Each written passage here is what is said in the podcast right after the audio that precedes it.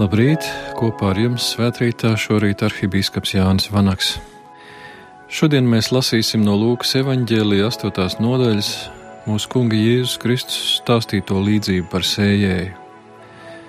Kad sapulcējās liels ļaužu pūlis un daudzu pilsētu ļaudis sanāca pie viņa, viņš runāja līdzībā.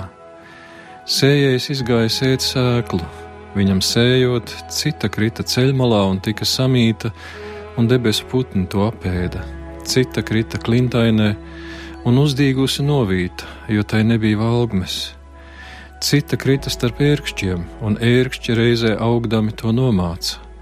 Cita krita labā zemē, tā uzdīga un nesa simtkārtīgus augļus. To pateicis viņš sauca, kam ausis dzirdēt, tas lai dzird. Tad mācekļi viņam jautāja, ko nozīmē šī līdzība. Viņš sacīja, Jums ir dots zināt dieva valstības noslēpumus, bet pārējiem līdzībās, lai tie redzēdami neredzētu un dzirdēdami nesaprastu. Šī līdzība ir šāda: redzi, sēkla ir dieva vārds. Ceļmalā ir tie, kas dzird, bet nāk sātans un paņem prom vārdu no viņu sirdīm, lai tie neticētu un netaptu izglābti. Bet kas sēdz klintainē, ir tie, kas vārdu dzirdējuši, ar prieku to uzņem, bet būdami bez saknēm, tikai uz brīdi noticis, bet pārbaudījuma laikā atkrīt. Bet kas sēž starp ērkšķiem, ir tie, kas vārdu ir dzirdējuši, bet dzīves rūpesti, bagātība un baudas to noslāpē, un tie augļus nenes. Bet kas sēž labā zemē, ir tie, kas vārdu dzird un glabā, to krietnā un labā sirdī augļus nesdami pacietībā. Tā kunga vārds.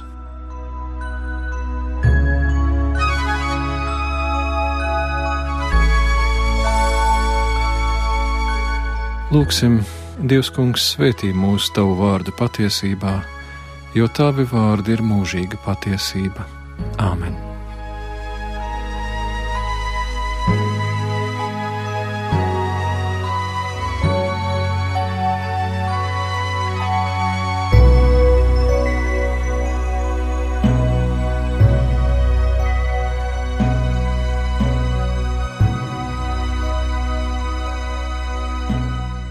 Daudz ļaužu bija sanākuši no visām pilsētām, gluži tāpat kā radio svētrītā, ko klausās daudz ļaužu visās pilsētās.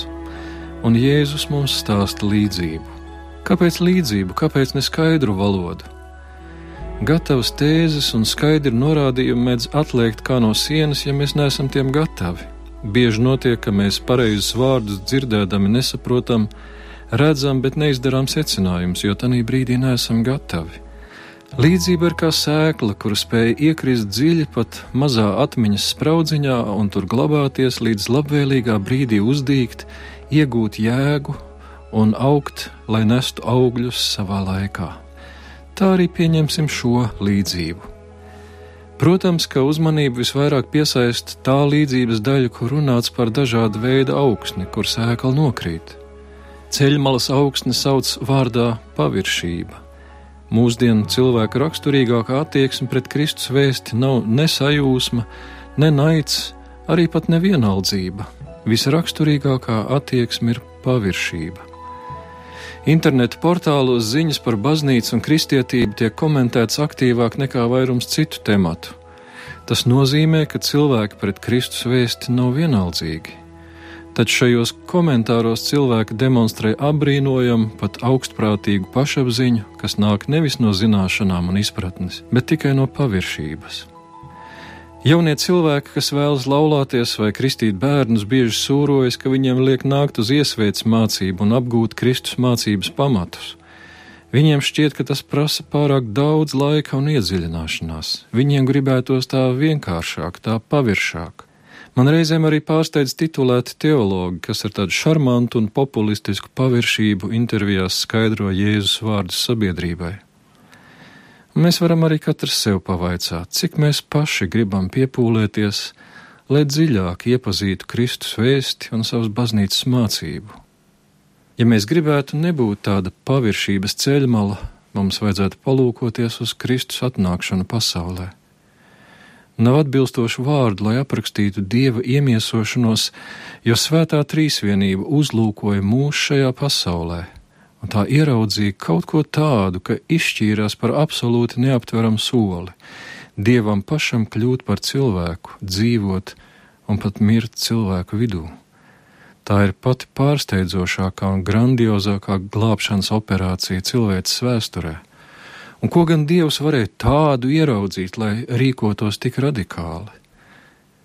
Lūk, kas manā dzīvē, manā dzīvesveidā, manā personībā ir tāds, ka Dievs neredzēja citas izējas, kā pašam nomirt pie krusta. Ko viņš tādu manī ieraudzīja, ka pameta visu un steidzās mani glābt? vai es pats to esmu ieraudzījis. Tas nav kaut kas, uz ko varētu raudzīties paviršībā.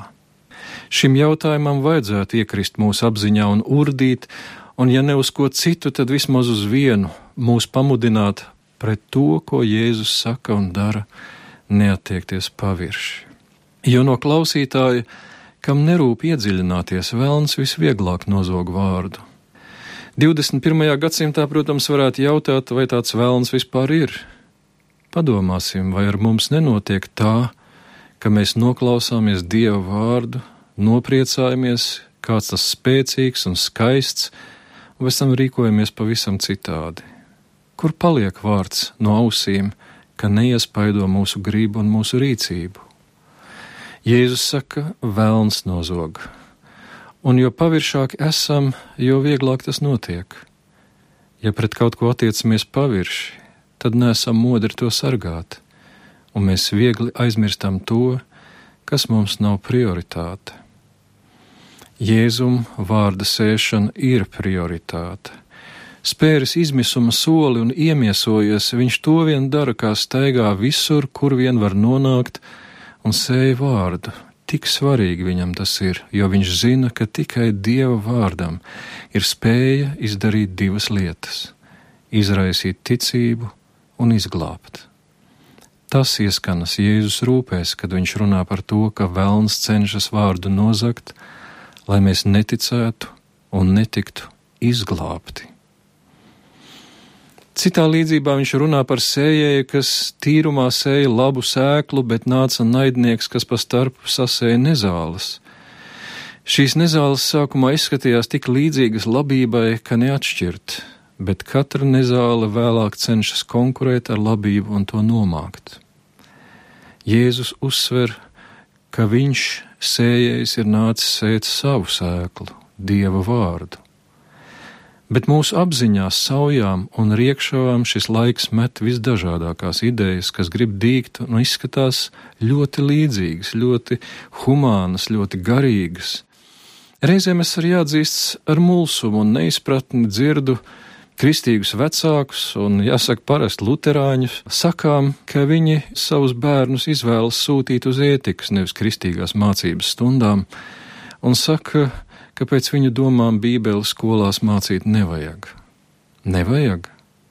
Nevajag darīt to, ko darīt no debesīm miesā nāca Jēzus. Kādas idejas te ir iesētas un izaugušas lielākas un stiprākas par vārdu? Politkorektums, tolerance, baznīcas šķirtība no valsts, konkurētspēja darba tirgū Ir pasaulē ļaudis, kas par to visu rūpējas un to visu sēj, bet mūsu kungs Jēzus rūpējas par savas sēklas, par Dieva vārda sēšanu. Jo no visām tā ir vienīgā, kas dāvina ticību un izglābi. Un ievērojot intensitāti, kādu viņš ieliek šajā vārdā, nevis pamācīt, papildināt, uzlabot mūsu dzīves kvalitāti, bet mūs izglābt. Citā vietā ir teikts, izraut kā pagali no uguns. Attieksmē pret mums un pret savu sēšanas darbu Jēzus ir tālu no paviršības vai no politkorektuma. Viņam ir jāglābi dvēseles. Citas raizes sējējiem sagādā akmenājus. Akmeņu ir daudz un tie ir dažādi. Droši vien Jēzus arī par akmenāju runāja no savas pieredzes. Viņa publiskā kalpošana sākas tieši ar to, Nācaretes sinagogā viņš stāstīja labo vēsti, ka viņš ir garas vaidītājs sludināt prieka vēsti nabagiem, pasludināt atsvabināšanu cietumniekiem un akliem gaismu, satriektos palaist vaļā un pasludināt mūsu kunga žēlastības gadu. Taču klausītāju aizspriedumi izrādījās cieti kā akmens. Ko viņš tādu runā? Vai tad viņš nav Jāzepa dēls? Un mirkli vēlāk viņi jau pacēla akmeņus, lai viņu nomētātu. Patiešām akmeņos saknes dzīt ir grūti pat dieva vārdam. Tas iekrīt mūsos un sāk augt un dīgt, bet tad mēs satveram akmeņus, ar ko mēs cit citam, un jau pēc brīža viss uzdīgušais ir sakaltis un beigts, un mēs attopamies ne par matu labāki vai citādi kā tie, kas vārdu nekad nav dzirdējuši. Sējējam viss jāsāk no gala. Tā reiz no reizes un nekad netiek līdz augļiem, kas ir mīlestība, prieks, miers, izturība, krietnums, labestība, uzticamība, lēnprātība, savaldība, kā to apraksta apustulis Pāvils. Bet laikam gan pats blīvākais akmenājs ir garīgs slinkums. Nesen man rokā nāca kāda grāmata, kuras autors priekšvārdā atzīstas ļoti ilgu laiku, manas zināšanas par lūkšanu tālu pārsniedza manu pieredzi. Vai līdzīgi neklājas arī mums? Mēs labprāt daudz ko uzzinām, labprāt diskutējam, piebalsojam vai strīdamies pretī, bet bieži nespējam sevi disciplinēt, lai regulāri izdzīvotu kaut vai to, par ko vārdos stāvam un krītam. Bez piedzīvojuma ar dievu, lūgšanās un citās garīgās disciplīnās visas runas par garīgumu un par ticību ir kā sekls ūdens katliņa dibenā. Tas ātri uzburbuļo, bet arī ātri un ar troksni iztvaiko, varbūt noplaucē kādu un pazūd bez pēdām. Jeb mūsu kunga vārdiem sakot, kā sēkla akmenājā, kas ātri uzdīkst, bet sausumā ātri novīst, jo tai nav dziļu sakņu. Iesākums šīm pārdomām tāds rūpi pilns, No šīs līdzības var redzēt, cik daudz mūsu garīgajā dzīvē ir tā, kas sagādā Jēzum raizes un bažas.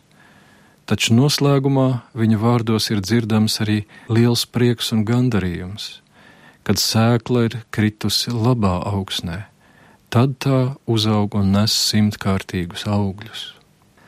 Man reiz bija iespēja pabūt pie slavenās sarkanās ulūru klints Austrālijas vidienē. Staigājot pa tūkstnesi, es ievēroju, ka tur aug tikai divu veidu koki. Vieni tādi nelieli, tā kā cilvēka augumā, citi lieli, spēcīgi, daudz lielāki par pirmajiem. Tomēr vēlāk man paskaidroja, ka tie visi ir vienas un tās pašas sugas koki, starpība ir sakņu dziļumā. Vairākus gadus pēc uzdīkšanas jaunie koki ar saknēm taustās pēc mitruma un barības vielām tūkstneša zemē, tie pūlas izturēt, izdzīvot, dzīt saknes dziļāk bet tie, kuru saknes ir aizsniegušas pazemes ūdeņus, sāk strauji augt lieli un kupli, un to zari ir pilni augļiem.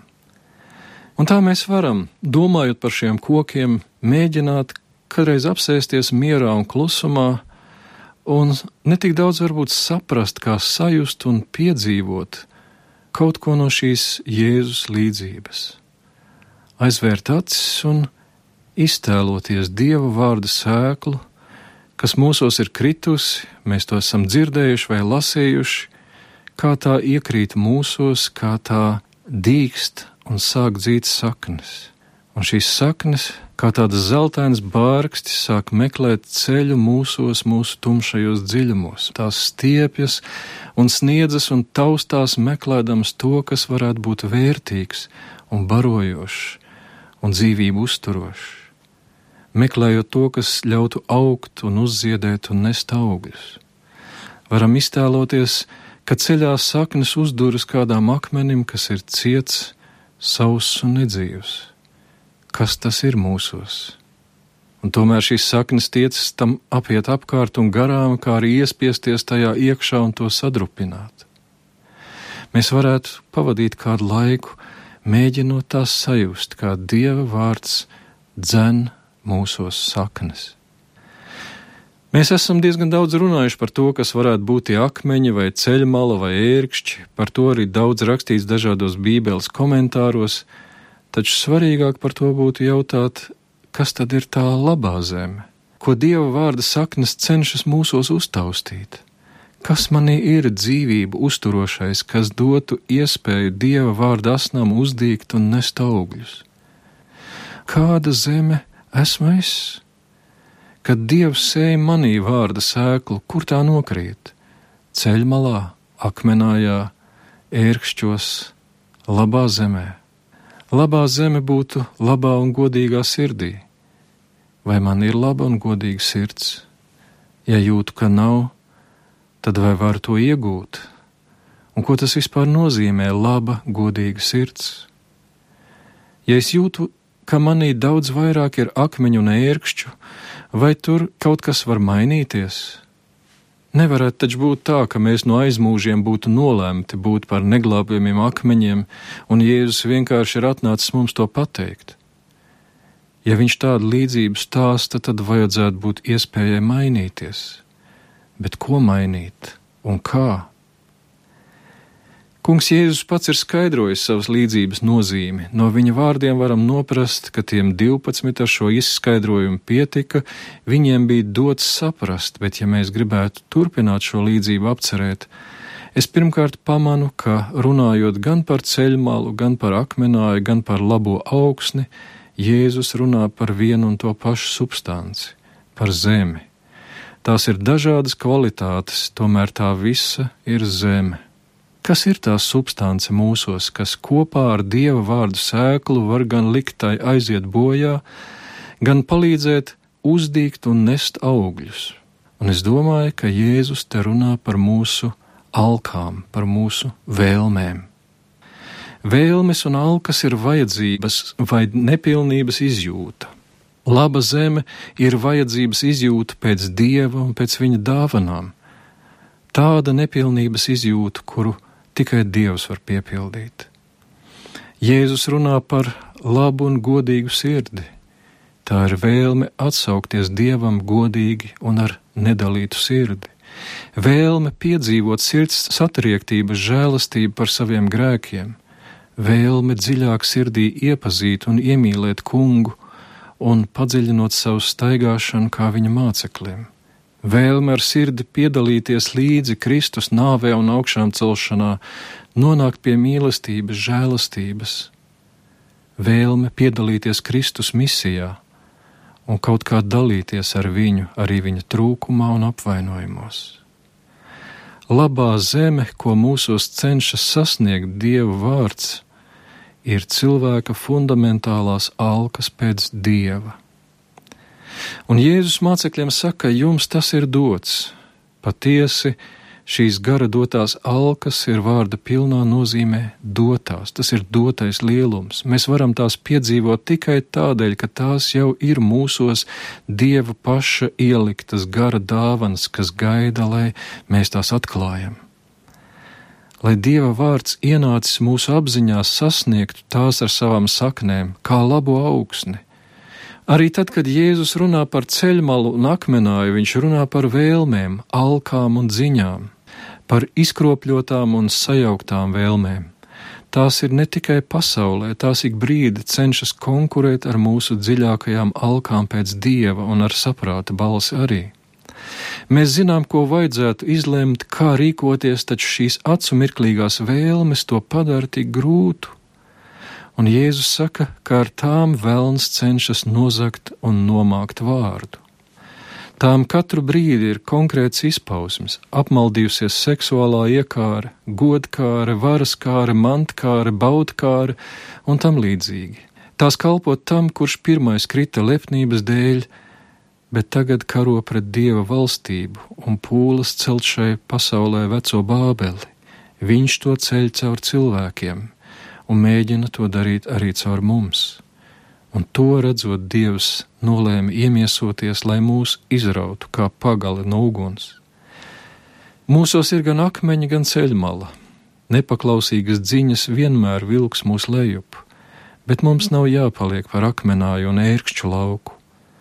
Patiesā Kristus mācekļa dzīvē svētais gars nāk palīgā, lai arī mūsu ikdienišķās vēlmes un lēmumi arvien pilnīgāk būtu saskaņā ar dziļākajām alkām pēc dieva. Cilvēki lūdz no Dieva dažādas lietas, taču mums vajadzētu daudz lūgt par savām vēlmēm un par to dziedināšanu.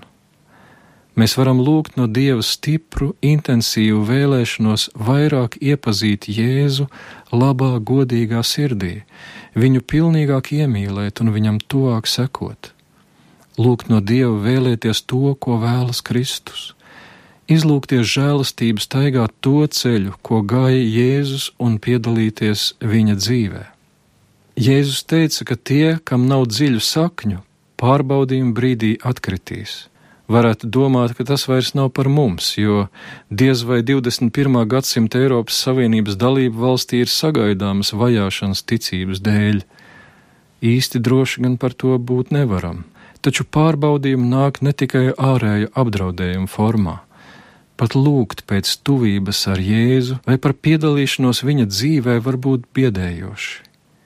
Ja mēs lūdzam, tad jārēķinās, ka Dievs tiešām var paklausīt un aicināt mūs tādā pat ceļā, kādā gāja Jēzus.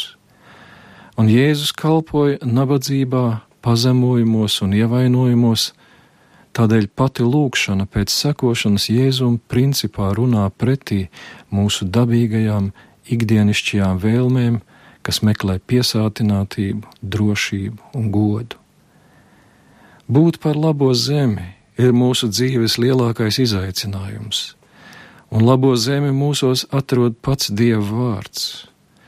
Kad evaņģēlīja notikums mēs lasām, apceram un sirdī tos līdzi izdzīvojam, mēs iepazīstam Kristu kā personu, kā draugu, kā kungu. Un kad gar acīm vērojam viņu evaņģēlīju stāstos, kāds viņš ir un ko viņš dara un kā viņš to dara, mūsos uzdīkst mīlestības asni uz viņu, bet mīlestība uz Kristu ir patiesi labā zeme mūsos. Jo vienīgi mīlot Kristu, mēs nebaidāmies tiekties viņam līdzināties un vēlēties to, ko vēlas viņš, jo mīlestība liek tiekties būt blakus tam, ko mīlam. Par mīlestību uz Kristu evaņģēlists Jānis raksta: bailēs ir mokas, un bailīgais nav pilnīgs mīlestībā. Mīlestībā nav baiļu, jo pilnīga mīlestība aizdzen bailes. Lielākā dāvana tā ir tādēļ, ka mīlestība aizdzen bailes un ļauj palikt dievā. Un ja mēs gribētu jautāt, kas tad ir kristieša dzīves būtība, kas ir kristīgās pilnības mērķis, un ja no visa, ko mēs varētu nosaukt, būtu jāizvēlas tikai kaut kas viens, ko nosaukt, mums vajadzētu sacīt mīlestība uz Kristu. Uz to, lai arī Dievs mūs svētī. Āmen! Dievs, kungs, mēs tev no sirds pateicamies, ka tu mūs atspirdzini ar saviem vārdiem un ar saviem sakramentiem, un lūdzam tevi svētīt to, ka pie mums vairojas ticība uz tevi un sirsnīga mīlestība starp mums visiem. Caur tavu mīļo dēlu, Jēzu Kristu, mūsu kungu. Āmen!